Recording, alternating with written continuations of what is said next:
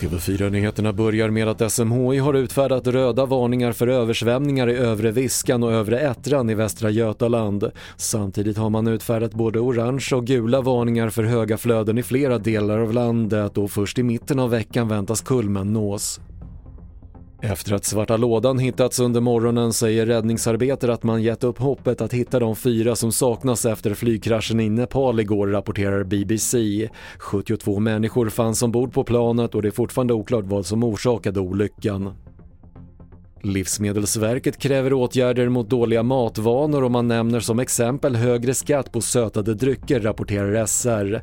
Enligt verket tycks det leda till minskad försäljning i länder som infört det och många har idag skatt på socker, bland annat våra nordiska grannländer.